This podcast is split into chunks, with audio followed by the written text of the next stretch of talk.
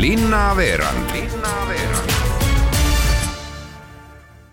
tere, head Kuku raadio kuulajad, eetris on Viljandi linnaveerand.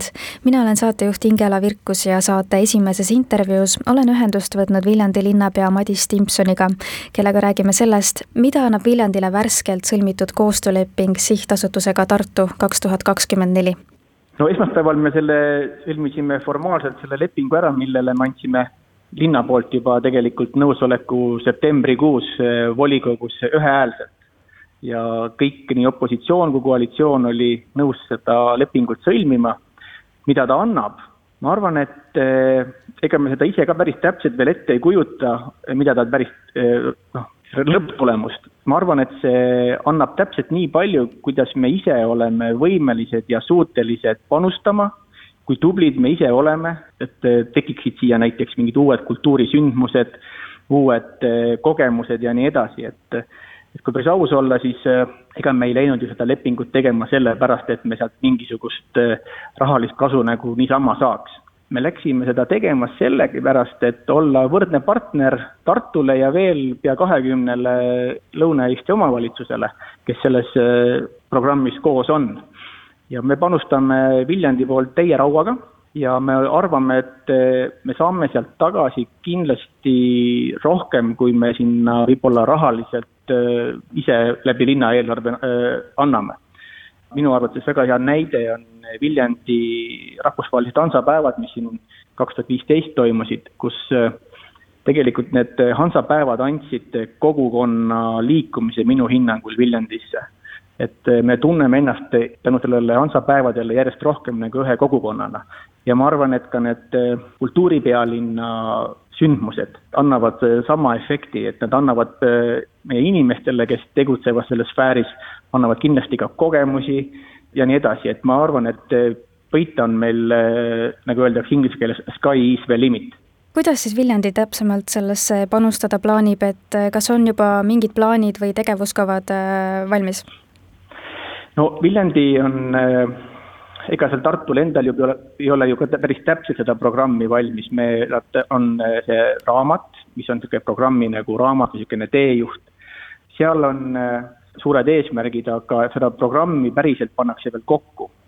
ja aega veel on mõni aasta ja, ja selles mõttes selles mõttes me võime öelda juba, et esimesed sündmused on juba toimunud, et minu jaoks oli märgiline see, et eh, Tartu kaks tuhat kakskümmend neli esimene väljaspool Tartut toimunud üritus toimus eh, Viljandis, toimus eelmise aasta mm, septembrikuus ja see oli siis Kultuurikompassi foorum, kuidas korraldada ligipääsetavat kultuuri. mis kasu sellest eh, kõigest Viljandi elanikud saavad? no ma arvan, et kui me võtame sellise ettevõtluse vaatepunkti, siis eh, mina näen siin küll võimalusi majutus, toitlustus, transpordiettevõtjad, et nad saavad eh, teenida sellest sündmusest majanduslikku kasu. noh, otsest majanduslikku kasu.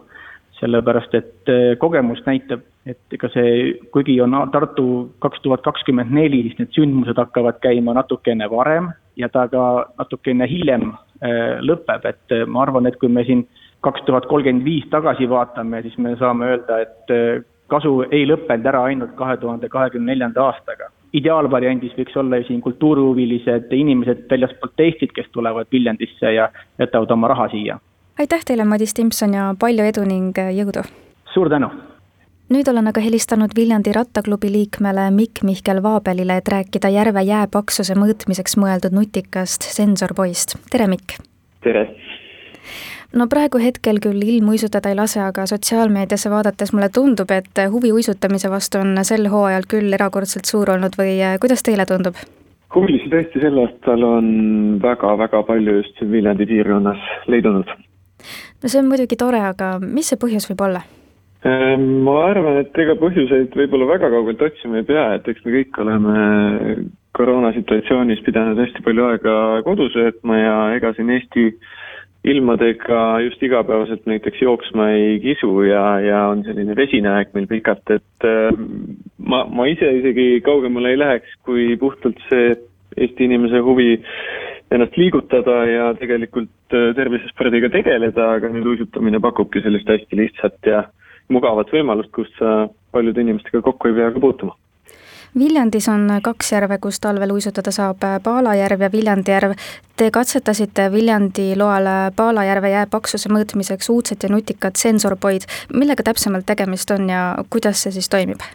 jah, vastab tõele, et äh, Viljandi Paala järvele sel aastal sai paigaldatud kaks äh, sellist pilootpoid, mis on äh, juba oma tehnoloogia poolest kusagil sellisel tasemel, nagu seda seadet võiks ühel heal hetkel müüa.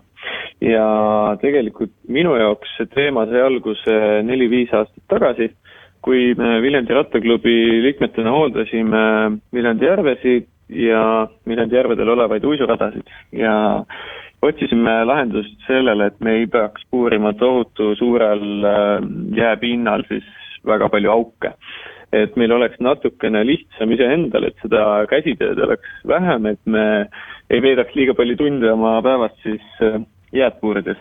ja sai uuritud lahendusi, mis on turul olemas, Eesti ei ole ainus paik maailmas, kus näiteks autodele jääteid rajatakse. Ja ütleme, et enamus sellist jääsensoorikat ongi äh, kasutusel just äh, autodele mõeldud jääteede siis monitoorimisel ja see sensoorika on tohutult kallis. aga proportsiooni mõttes me hetkel siis uisuradade ohutuse tagamiseks ei vaja midagi sellist, midagi nii kallist. ja, ja selguski, et tegelikult äh, turg on vaba ja siia on lahendust vaja. Äh, detailidesse ma hetkel ei läheks, et mis on täpselt selle süsteemi kõige suurem tarkus ja kuidas me seda teeme, aga jah, eesmärk oli hästi lihtne, et äh, teada aastaringselt siis kas veekaugu temperatuuri näiteks või mingit äh, muud keskkonnanäitajat, olgu see tuul või õhurõhk, ja samas siis talvel jää tekkeperioodil ja jää sulamise perioodil me oskaksime hinnata ilma kohapeal olemata, ilma kohapeal puurimata, et mis see jääpaksus olla võib. Kuidas katsetused siiani on kulgenud, näitab see õigesti ja toimib nii, nagu vaja või on veel mingisuguseid puudujääke ja probleemkohti, mis võiks olla paremini? kindlasti hästi palju tööd on ees, et äh, nagu ma ütlesin, ühel hetkel võiks sellest saada täitsa tõsiseltvõetav müüdav toode ja see hetk võib-olla ei olegi liiga kaugel. küll aga täna me vaatame neid andmeid ikkagi ütleme piisavalt segasel kujul, et äh, nendest andmetest õiget infot välja lugeda oskame meie, kes me igapäevaselt neid andmeid vaatame ja, ja analüüsime aga lõpuks sellise toote eesmärk on ikkagi pakkuda ühte kindlat väärtust, et näiteks jääpaksus hetkel on kümme sentimeetrit ja viimase nädalaga on ta kasvanud äh, kaks sentimeetrit või midagi seesugust. et selle tasemeni meil on veel minna, aga jah, nagu ma ütlesin, et need esimesed katsetused on edukad olnud, ehk siis kui me mõõdame järve paksust äh, klassikalisel meetodil puuriga ja mõõdulindiga mõõtes või, või mõne nöörijupiga, siis äh, me saame tõesti sama väärtuse, nagu me oskame hetkel oma andmetest hinnata. kui paks peaks siis jää olema, et sellele turvaline uisutada oleks? see on hea küsimus. Äh, päästeamet ütleb selleks numbriks kümme sentimeetrit ja tegelikult ega see number ongi täpselt õige lähipäevadel äh, loodetavasti hakkavad uisuolud taastuma, aga mida te järvel uisutajatele veel südamele paneks, mida võiks teada ja millega võiks kindlasti arvestada, kui jää peale on minek?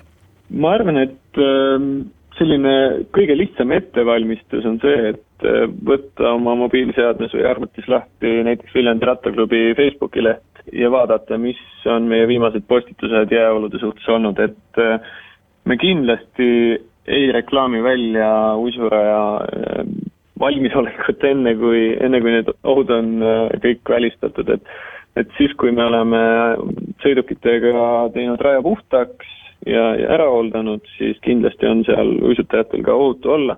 aga ütleme, sulaperioodil me oleme näinud siin viimastel aastatel, et näiteks äh, just Viljandi järvel tekivad äh, allikatest ja kalameeste poolt tehtud aukudest sellised justkui äravoolukohad eks jääl olles tuleb alati tähelepanelik olla ja kui sulle tundub, et rajal on mingisugune kahtlane auk, siis ei ole mõtet sinna uurima minna, sest ilmselt see auk viibki täpselt veeni välja.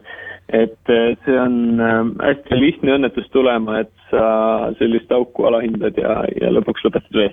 et kui midagi tundub kahtlast rajal, siis tõmba kaarega mööda ja, ja vajadusel sõida tagurpidi rada tagasi. Suur aitäh teile, Mikk Mihkel Vaabel ja palju edu! suur aitäh! siinkohal aga tänaseks lõpetamegi, mina olen saatejuht Ingela Virkus. tänan teid kuulamast ja soovin teile ilusat algavat nädalavahetust, püsige terved.